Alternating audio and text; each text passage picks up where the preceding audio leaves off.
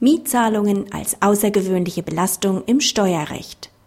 Die Zahlung der Miete stellt regelmäßig keinen steuerlich weiter zu begünstigenden, weil einen üblichen Aufwand der Lebenshaltung dar.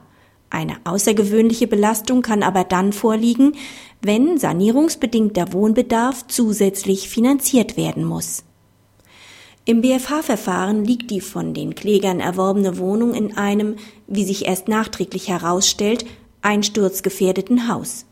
Durch Ordnungsverfügung wird die Wohnnutzung untersagt, Gewährleistungsansprüche können nicht durchgesetzt werden. Nunmehr werden die Kosten für die Anmietung einer Ersatzwohnung als außergewöhnliche Belastung geltend gemacht. Der BFH hält das für möglich. Grundsätzlich zählen zwar die Aufwendungen zur Deckung des Wohnbedarfs zu den allgemeinen Lebenshaltungskosten, was jedoch anders zu beurteilen sein kann, wenn die Aufwendungen für die zweite Wohnung wegen der fehlenden Nutzbarkeit der ersten anfallen. Ausblick. Der BFH kann nicht abschließend entscheiden, weil noch zu prüfen ist, ob im Streitjahr ein Wohnbedarf bestand und ob die eventuelle Dauer der Nutzung der zweiten Wohnung angemessen war